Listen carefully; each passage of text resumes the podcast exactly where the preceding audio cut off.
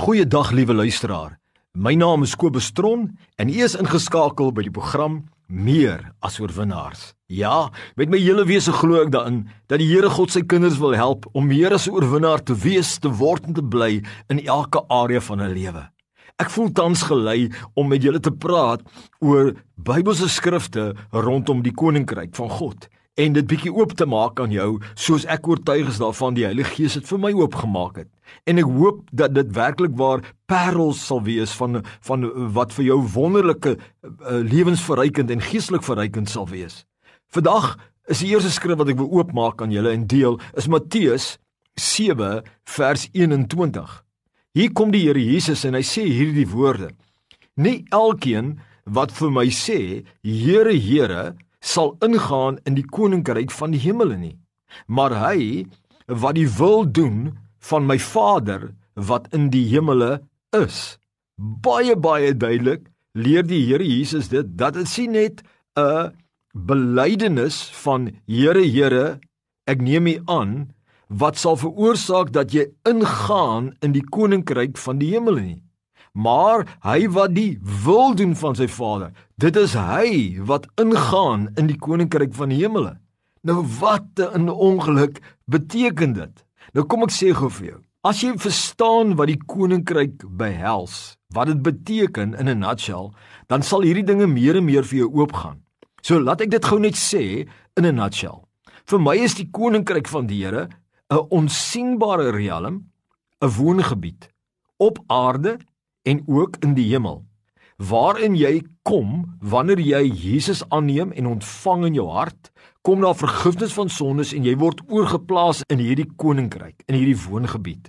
En dis 'n woongebied waar die Heilige Gees woon en hy help ons. Dis 'n woongebied waar die engele van die Here woon en werk. Hierdie onsigbare geestelike riem op aarde waardeur jy deur daai nou hek ingaan op hierdie nou pad. En dan is daar die belofte van die ewige lewe wat jy ontvang dat jy in die hemel vir ewig gaan lewe, maar dan is daar 'n oorvloedige lewe in die koninkryk. En die Here wil vir ons hier sê, hy praat nie van die hemel, die hemele is onverdiend, het ons die ewige lewe ontvang die oomblik toe ons in die koninkryk ingekom het en ook onverdiend die reg tot die oorvloedige lewe. Maar om die oorvloedige lewe ons volheid van ons purpose, ons destiny te belewe, sê die Here, moet ons die wil van die Vader doen deur sy gees, nie deur ons eie krag nie. Met ander woorde, hy kom in ons om sy wil te openbaar. En wanneer ons dan sy wil doen in ons roeping, in ons huwelik, in ouerskap, in ons finansies, in ons liggaamlike kondisionering, dan neem ons besit van die potensiaal van die oorvloedige lewe waarvoor God ons geroep het op aarde, dan word ons meer as 'n oorwinnaar en suksesvol in ons roeping, in ons rol as man of vrou in die huwelik of as pa of ma in ouerskap.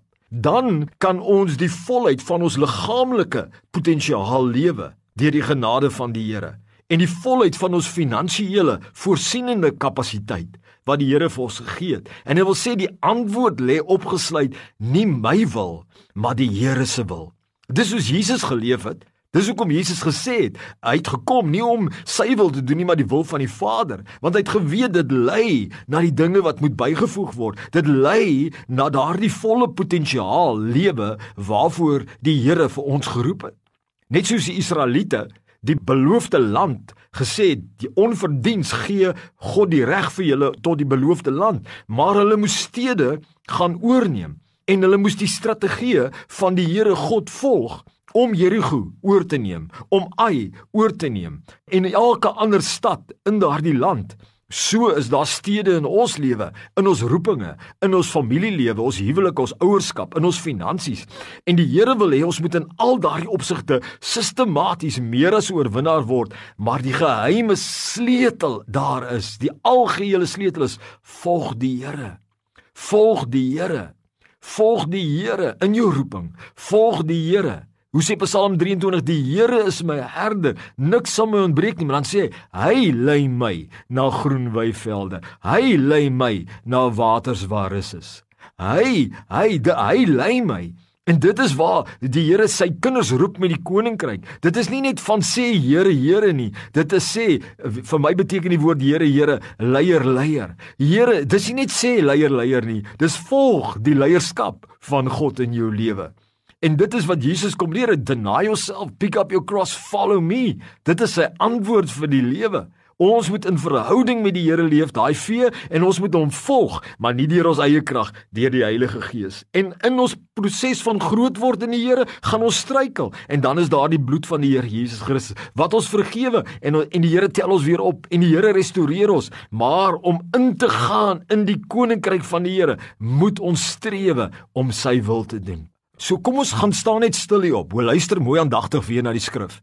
Nie elkeen wat vir my sê, Here, Here, sal ingaan in die koninkryk van die hemel nie, maar hy wat die wil doen van my Vader wat in die hemel is. Bottom line beteken dit, dit help nie jy sê Here, Here, leier, leier as jy in die koninkryk gekom het en jy's bonatuurlik wedergebore nie.